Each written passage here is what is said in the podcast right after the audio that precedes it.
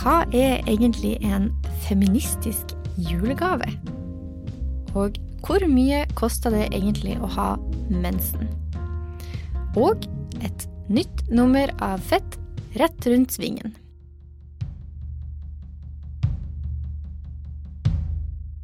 Jeg heter Hanne Linn Skogvang, og med meg her i studio har jeg Mona Gibril.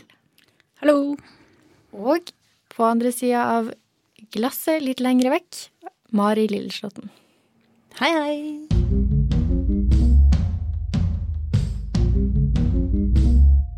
I dag er jo en stor dag, for vi har levert til trykk, som er noe av det beste jeg vet som eh, fettredaktør.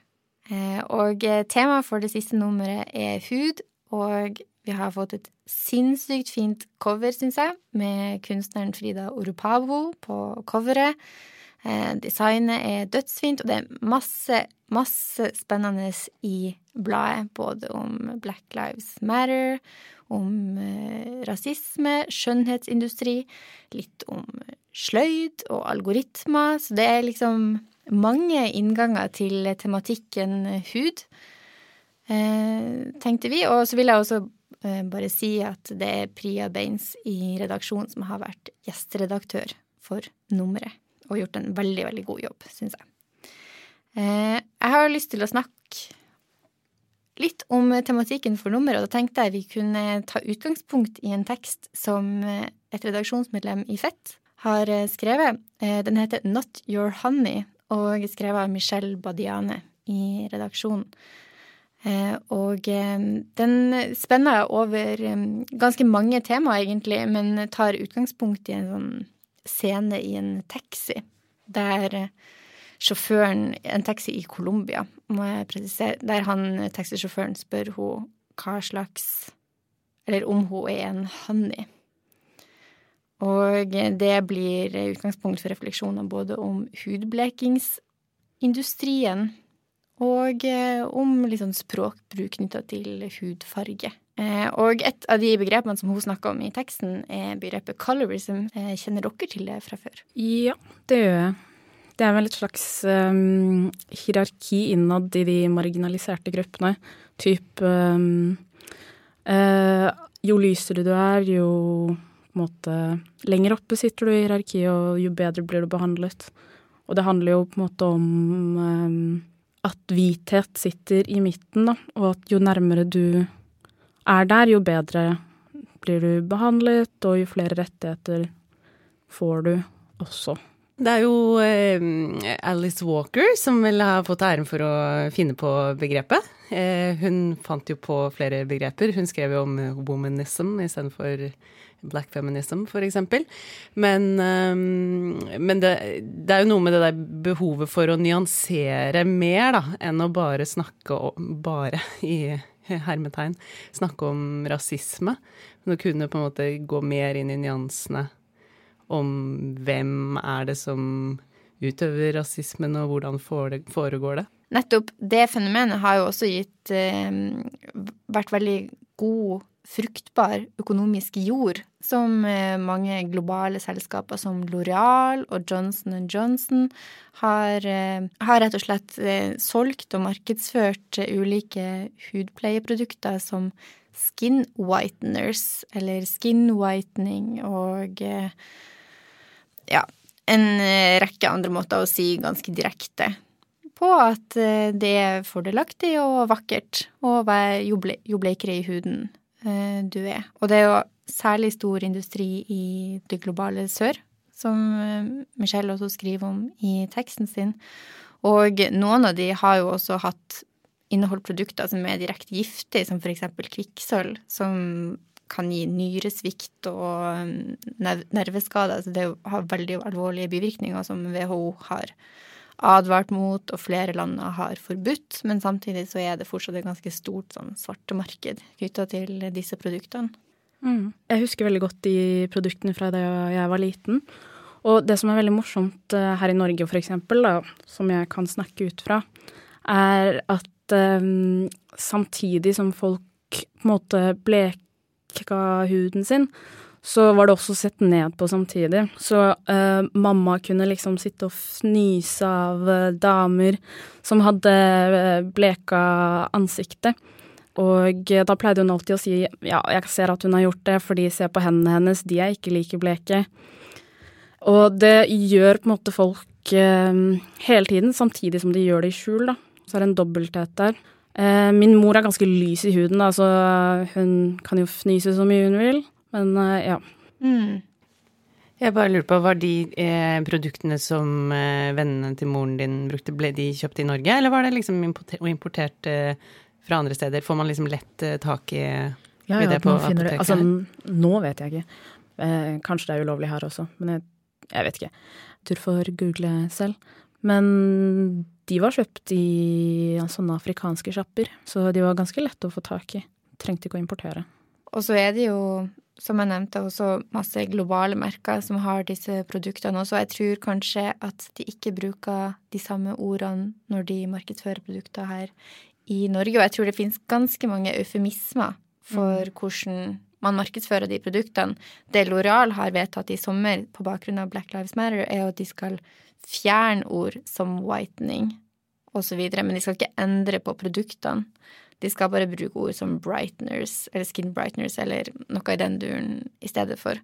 Og eh, mens jeg leste et annet selskap, Johnson Johnson, skal fjerne produktene helt fra markedet. Ja, for de bruker ord som at det skal jevne ut um, huden og på en måte at du skal få samme tone i hele ansiktet og sånne ting, men så er det egentlig blekemiddel i, i produktet. Ja, og mange av dem tror jeg har ganske potensielt alvorlige bivirkninger ja. også. Det er vel egentlig sånn for mange produkter at man ikke helt skjønner eh, hva det er som står utenpå. Man har bare skjønt at dette er noe man skal bruke for å oppnå en eller annen skjønnhetseffekt. Men jeg lurer på når det gjelder blekemiddel, da. Jeg tror at this point så vet folk hvor skadelig det er. Fordi huden blir jo, den blir jo tynn og skjør, og når de har brukt det i generasjoner, så vet de jo hva som har skjedd med mødre eller fedre eller hva det skulle være. Så jeg lurer på om det egentlig er um, Det man uh, Utbyttet er uh, rett og slett bedre og større. Altså, huden din blir skjør og dårlig, men du får iallfall gifte deg, liksom. Så ja. Det man, som i alle fall kommer helt tydelig frem både i markedsføringa av disse produktene og bare det at de finnes og at den industrien er så stor, er jo uh, at hvithet fortsatt er et uh, ideal. Og, eller for mange, da, i hvert fall. I, uh, hvis man skal se litt strukturelt på det. Og uh, det er jo veldig trist, og det er også et tema som Michelle tar opp i teksten sin, også når det kommer til språkbruk. Der hun går litt sånn åpent inn i spørsmålet om hva slags ord som er fint å bruke. For hun snakka om at en ting en styrke ved Black Lives Matter-demonstrasjonene er at de setter sorthet i sentrum. Og, eh, og spør litt sånn om begreper som ikke-hvit, melaninrik, eh, people of color. Og eh, spør sånn hva slags ord som er, som er best å bruke. Har dere noen tanker om dette? Den var gått i Mona først, tror jeg. Ja som er autoriteten her. Um, jeg husker veldig godt den debatten det var vel i sommer uh, om uh, ordet melaninrik, som jeg ikke var klar over var uh, funnet på tidlig 2000, men det på en måte ble populært nå nylig. Og det er, det, det er jo ganske delt. Det er noen som liker det veldig godt. Jeg liker det ikke i det hele tatt, for jeg syns det er et så utrolig klamt uh, ord. Det er på en måte Jeg vet ikke, det er, det er en eufemisme, liksom. Hvorfor skal man pynte så mye på akkurat det? Og man sier jo nesten sånn at svart og brun da har Eller er negative ord, da. Ja, akkurat nå så har de negative konnotasjoner, men øh, det går jo an å gjøre noe med det. Samtidig som jeg skjønner at man trenger på en måte at det er et fint med et ord som ikke sentrerer hvithet, da. For å kalle alle andre enn hvite ikke-hvit, det sentrerer jo igjen hvitheten. Så jeg vil gjerne ha et annet ord, men jeg liker ikke melaninrik. Det er min mening. Ja, det er interessant. Jeg er jo, og jeg er enig i at det er veldig sånn klønete ord. Og det blir Det er liksom veldig få ord som ligger så veldig godt i, i munnen, på en måte. Når man sier det, er alltid litt sånn med litt usikkerhet, syns jeg i hvert fall. Når det er litt sånn ja, ikke-hvit, det er jo Hva slags kategori er egentlig det? Og ja, hva Det er nesten alle i hele verden, liksom.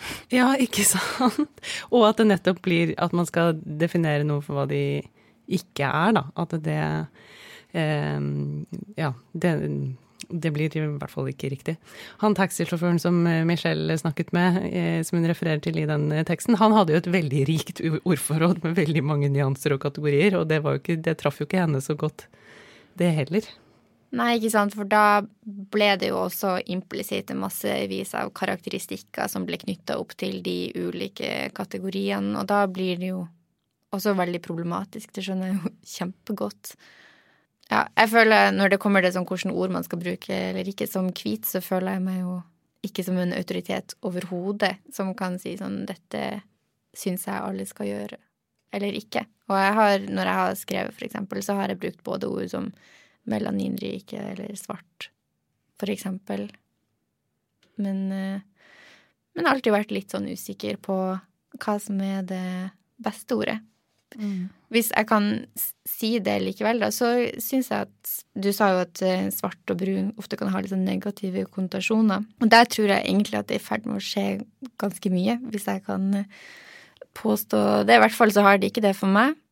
Og jeg syns egentlig at den direkteheten i å bruke de ordene som er like deskriptive og enkle som hvit, i hvert fall er veldig kan være veldig fint. Ja, jeg er helt enig. Også i den teksten så tar også Michelle opp dette med at det bare kan bli en språkdebatt når vi går liksom frem og tilbake på hva vi skal bruke, da. Og det er jeg også litt redd for. Jeg vil ikke ha en sånn metadebatt hvor det er sånn som hun Eirin Eikefjord som eh, midt i de eh, Black Lives Matter-greiene eh, i sommer, så skulle hun liksom skrive en kronikk om hvordan hun følte seg usikker på om hun brukte de riktige ordene, istedenfor liksom å snakke om rasismen, da. Så da er det sånn veldig lett å falle i det også, hvis man begynner å debattere mellom seg på hva folk skal liksom hete, da. Det er også litt uh, kjent fra innenfor den feministiske bevegelsen generelt, det med ordbruk og uh, ikke sant, LHBTQ pluss i Altså hvor mange skal man legge på, og hvor mye kjeft skal man få hvis man bruker det feil. Så det, det er jo Språk er jo viktig, språk er jo makt, men uh, samtidig kanskje fort et blindspor. Vet ikke. Jeg tenker i hvert fall liksom bruker veldig mye kapasitet på å tenke på sånn, hva slags ord skal jeg bruke. Altså, det er klart, altså, Språk er makt, så man skal ikke man skal bruke det med omhu, tenker jeg, når man ytrer seg offentlig. Det syns jeg er viktig. Men jeg tenker vel også at eh, det er mye som kan gå bra så lenge det er skrevet med en ydmykhet. Mm. Tenker jeg, da. Jeg syns òg den debatten om sånn, hva skal vi bruke, hva slags ord er greit, hva slags ord er ikke greit, er litt sånn kjedelig. Og eh, veldig trettende å måtte bruke masse kapasitet på, i hvert fall ser jeg for meg, hvis man skal måtte ta den hver gang man skal snakke om rasisme. Mm. Og eh, kanskje jeg ville få gjennomslag på politikk. Mm. Ja, for det er når det på en måte blir sentrum, det blir veldig slitsomt og kontraproduktivt. Men det er jo de Den debatten kommer jo alltid til å gå, fordi folk det kommer, Altså, språket utvikler seg hele tiden, så vi kommer alltid til å snakke om språk og betegnelser. Og det er jo greit, det. Ja, det tenker jeg også at det må være. I nummeret om hud så kan du i hvert fall lese om både det vi har snakka om her, og masse andre tekster. Og nummeret kommer til å være til salgs i bokhandler og butikker fra 17. desember. Men hvis du tegner abonnement allerede nå, så kan du også få det i posten i god tid før jul.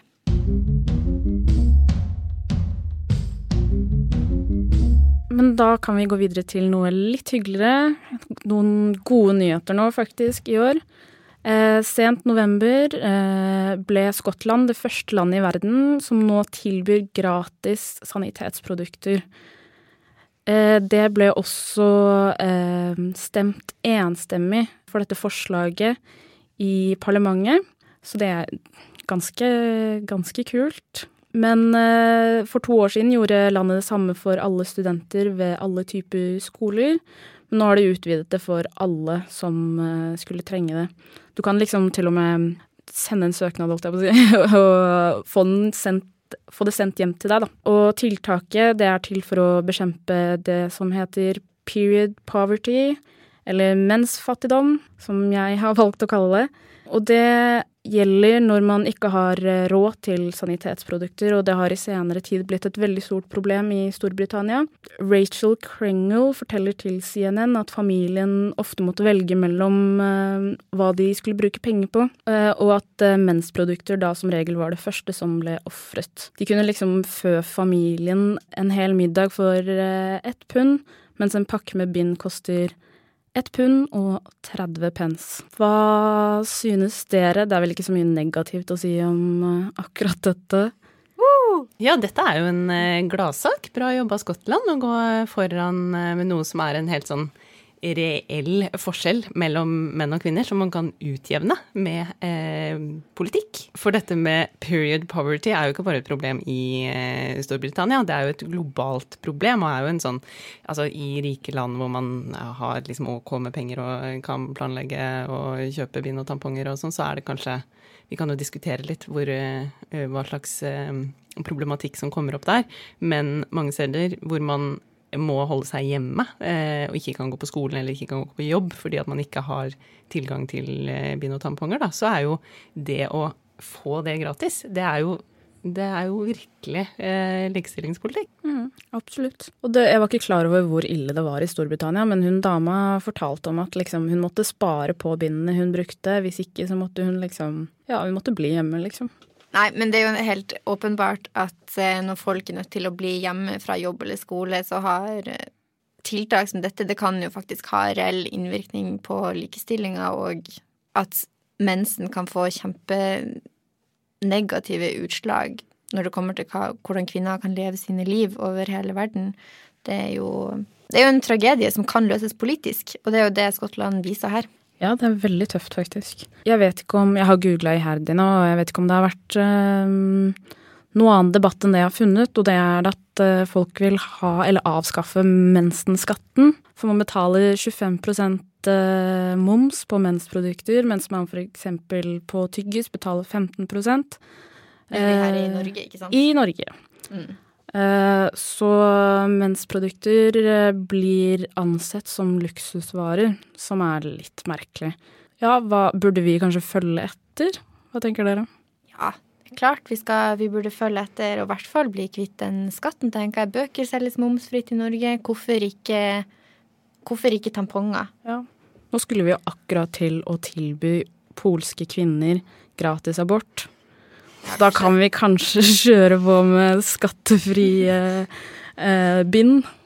Ja, altså det bør jo være det, det minste. Det er i hvert fall én eh, ting å gjøre. Det er jo eh, Samtidig så er det jo andre eh, interesser i spillet her, da, hvis jeg får lov til å bare problematisere litt. Grann. Jeg var jo veldig positiv, og jeg mener jo at man absolutt skal eh, applaudere eh, denne politikken. Men ja, men man kan jo også tilby andre produkter. Nå er jo eh, menskoppen kommet på markedet og er jo i ferd med å konkurrere ut en del av de her eh, engangsproduktene, som jo bind og tamponger er.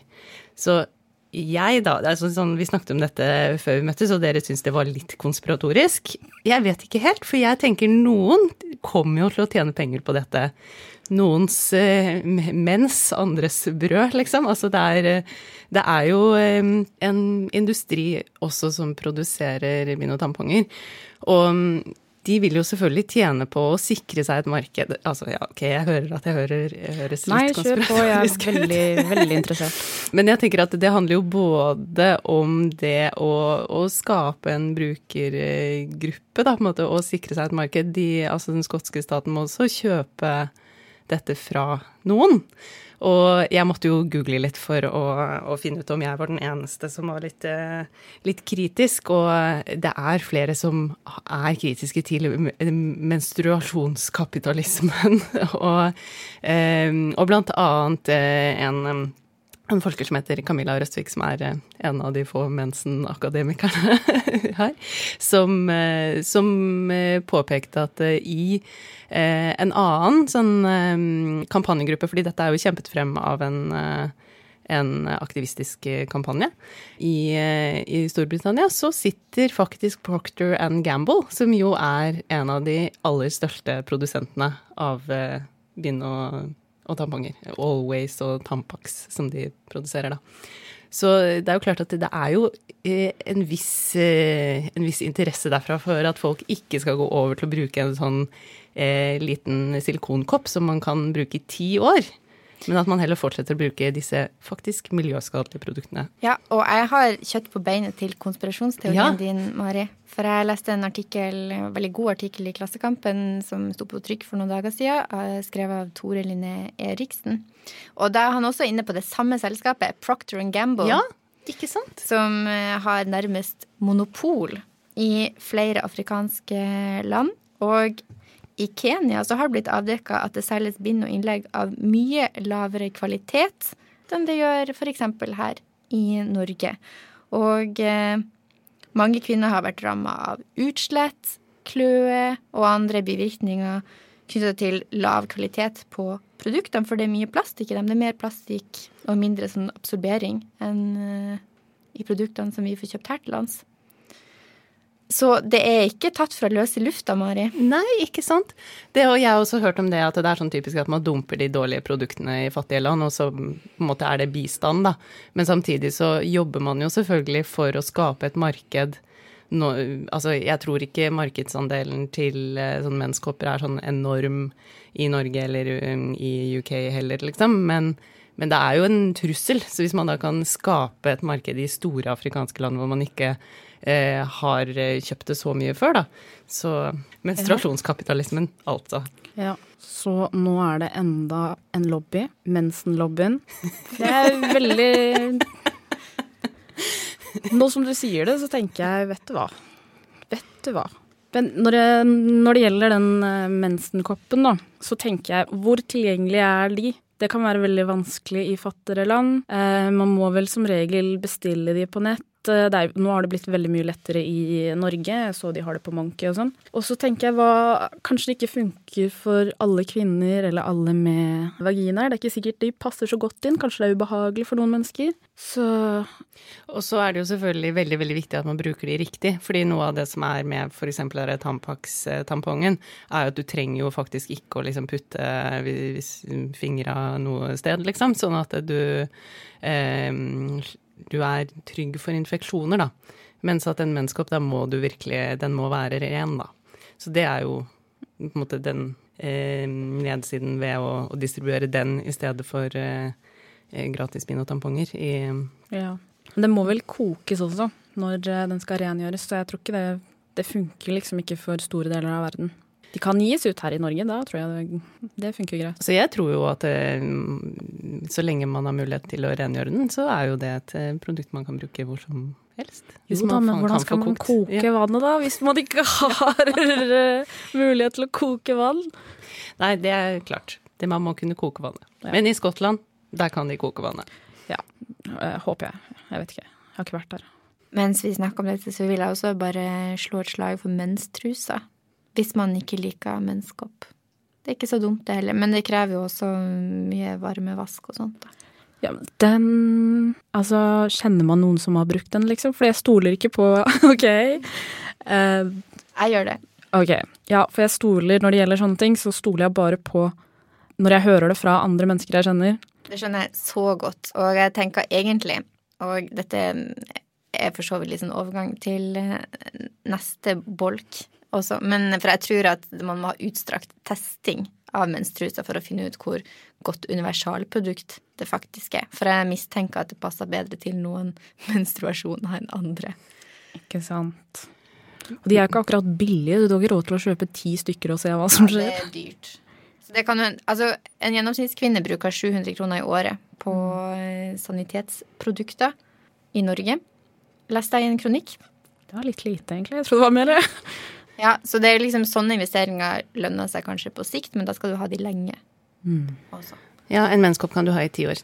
Men det er jo interessant hva det er de, de, selskapene bruker pengene sine på. fordi at i og med at de er opptatt av at man skal sånn snakke med hverandre og høre fra venner og sånn, så lager de jo sånn klubber og Instagram-kontoer og bruker sikkert masse av de pengene som de kunne brukt på å sette ned prisen, på å markedsføre. Jeg var blant annet med i klubben Klikk Libres da jeg var sånn tolv. Så da skulle ja. vi Ja, da var vi medlemmer der, og så skulle vi ja. høre ting fra venner og Det jeg hører, er at vi må avskaffe markedsføring.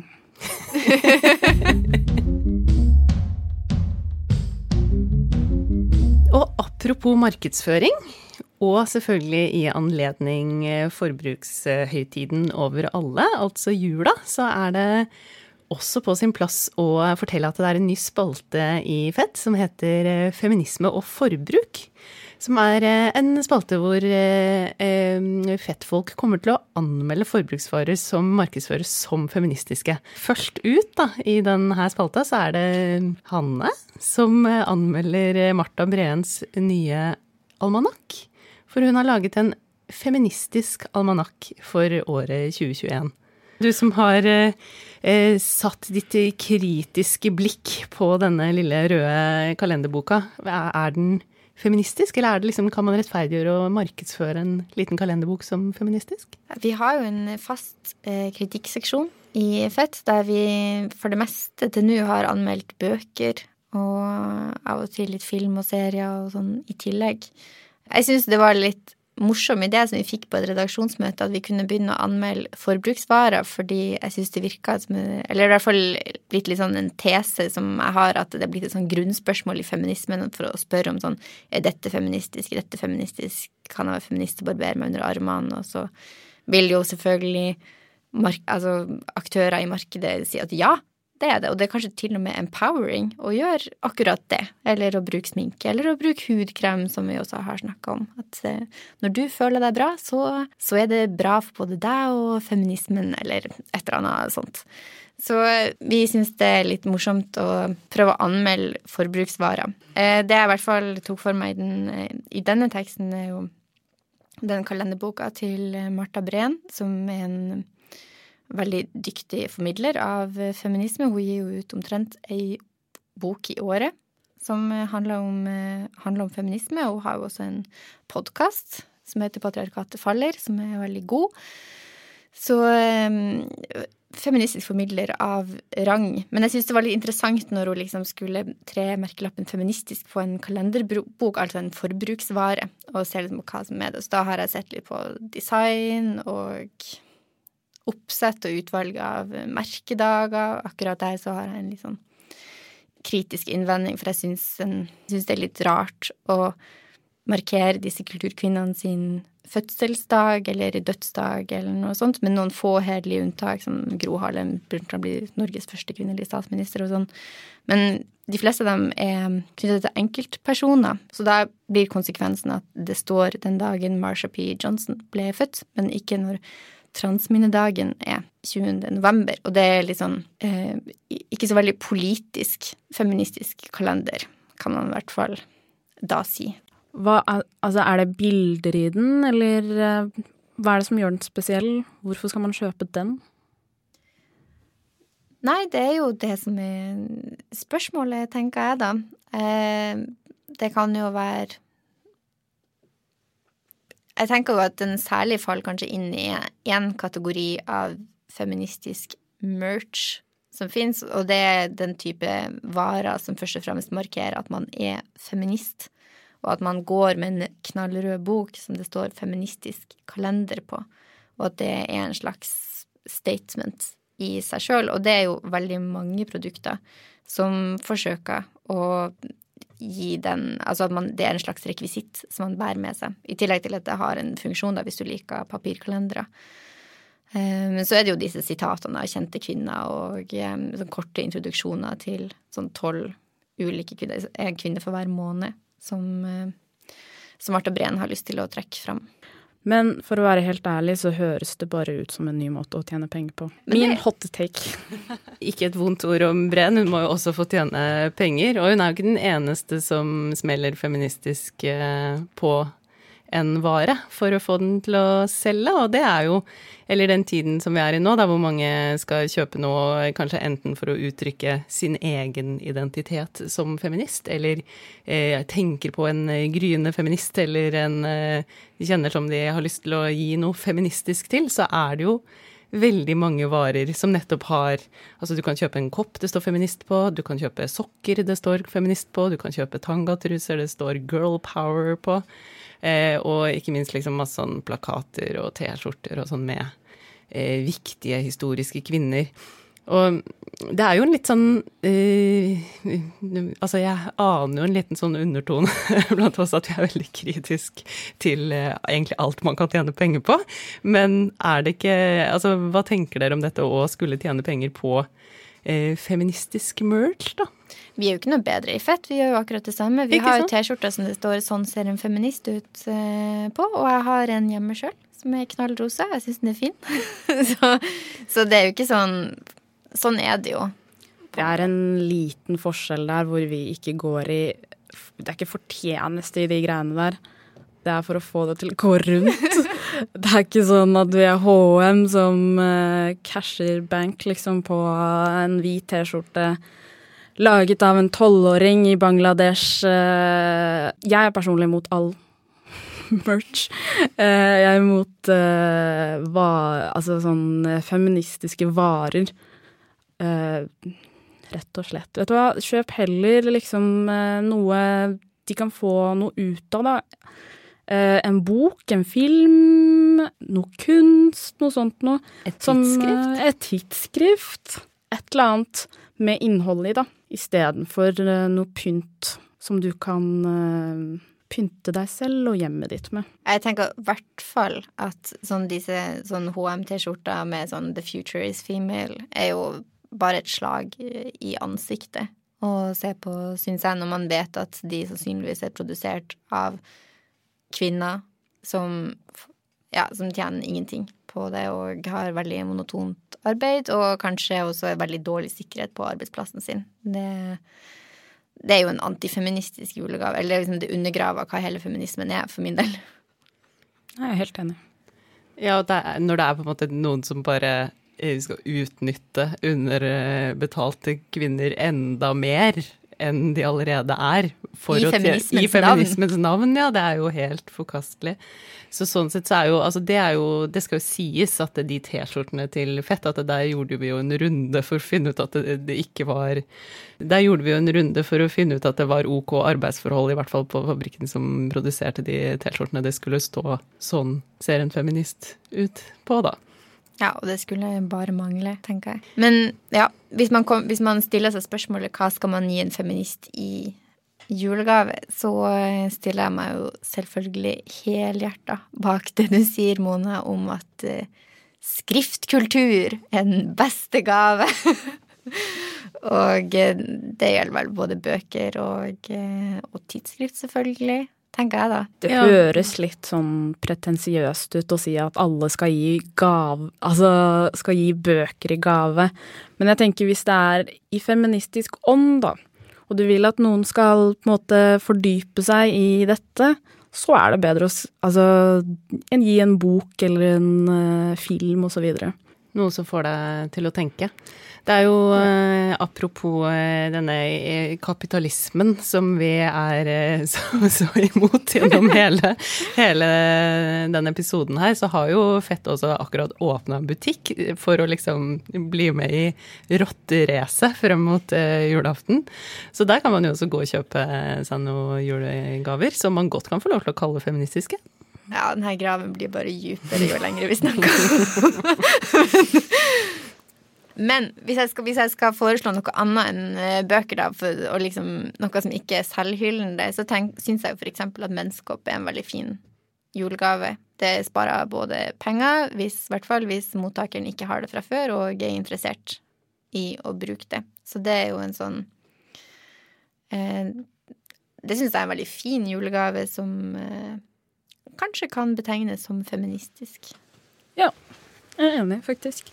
For jeg er veldig glad i sånne praktiske gaver, faktisk. For jeg har bikka den alderen.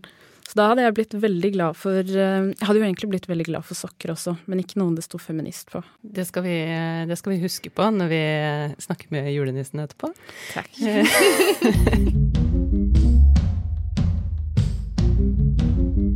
Eh, og med det så tror jeg vi runder av denne svært kapitalismekritiske episoden av eh, Fett nok.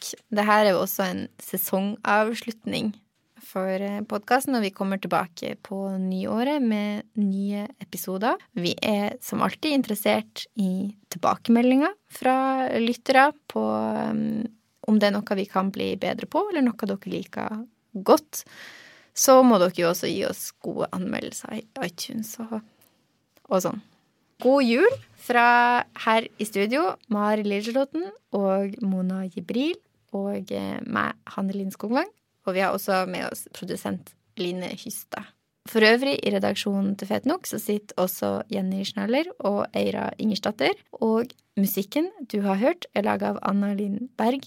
Logoen er tegna av Kjersti Johanne Barli. Vi får støtte fra Fritt Ord og Kulturrådet til å lage denne podkasten. Og eh, med det sier vi god jul. Du sa det to ganger. Ja. God jul! God jul! ja, fint.